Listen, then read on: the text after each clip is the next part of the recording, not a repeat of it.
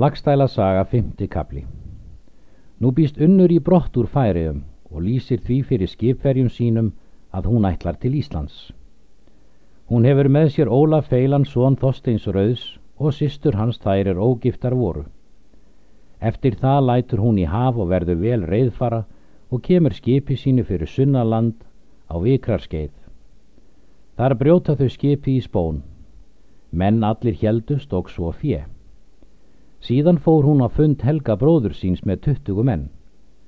Og er hún kom þar, gekk hann á mót henni og bauð henni til sín við tíunda mann. Hún svara reyðulega og hvaðast eigi vitað hafa að hann var í slikt lítilmenni og fer í brott. Ætlar hún nú að sækja heim Björn bróður sinn í breyðafjörð. Og er hann spyr til ferða hennar þá fer hann í mót henni með fjölmenni og fagnar henni vel og bauð henni til sín með öllu liði sínu því að hann kunni veglindi sýstur sinnar. Það líkaði henni all vel og þakkaði honum stórmennsku sína. Hún var þar um veturinn og var veittið stórmanlegasta því að efni voru nóg en fjö eigi sparað. Og um vorið fór hún yfir breyðafjörð og koma að nesi nokkuru og átu þar dagverð.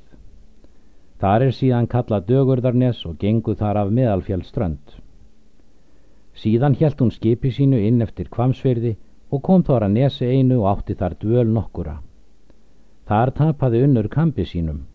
Þar heitir síðan Kamsnes. Eftir það fór hún um alla breyðafjörðar dali og nam sér lönd svo víða sem hún vildi. Síðan helt unnur skipi sín í fjörðar botnin.